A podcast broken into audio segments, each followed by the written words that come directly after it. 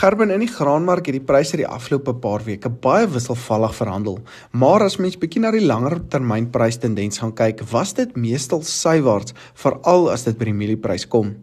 Die witmielie spotprys styg die afgelope week na R3622 terwyl die Julie 24 prys of volgende jaar se leweringsprys gestyg het na R3881.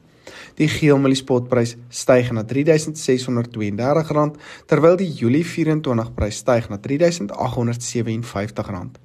Die sojaspotprys het skerp gestyg oor die naweek en die begin van hierdie week en verhandel nou op 9616 met die Mei 24 prys ook hoër op R8999 per ton.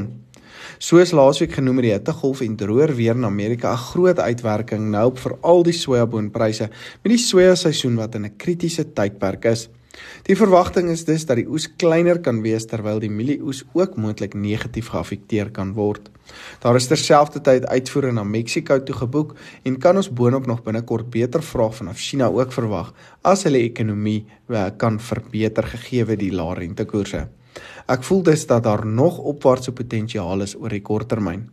Die sonneblomspotprys daal die afgelope week na 9137 terwyl die Mei 24 prys gebly het op R8849. Die koringspotprys styg na R6820 met die Desemberprys hoër op R6460. Baie verkope teen lae pryse van Rusland hou koringpryse wêreldwyd steeds laag terwyl daar minder nuus was oor die geopolitiese wrywing tussen Rusland en Oekraïne wat meestal die sonneblom as ook die koringpryse sywaarts gehou het. Die sorghum invoerpariteitspryse daal na R5594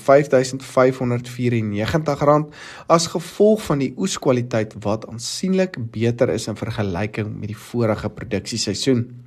Uitgedopte grondbone vanaf Argentinië styg na R34600 terwyl graad 1 lucerne pryse tans op R4000 per ton verhandel.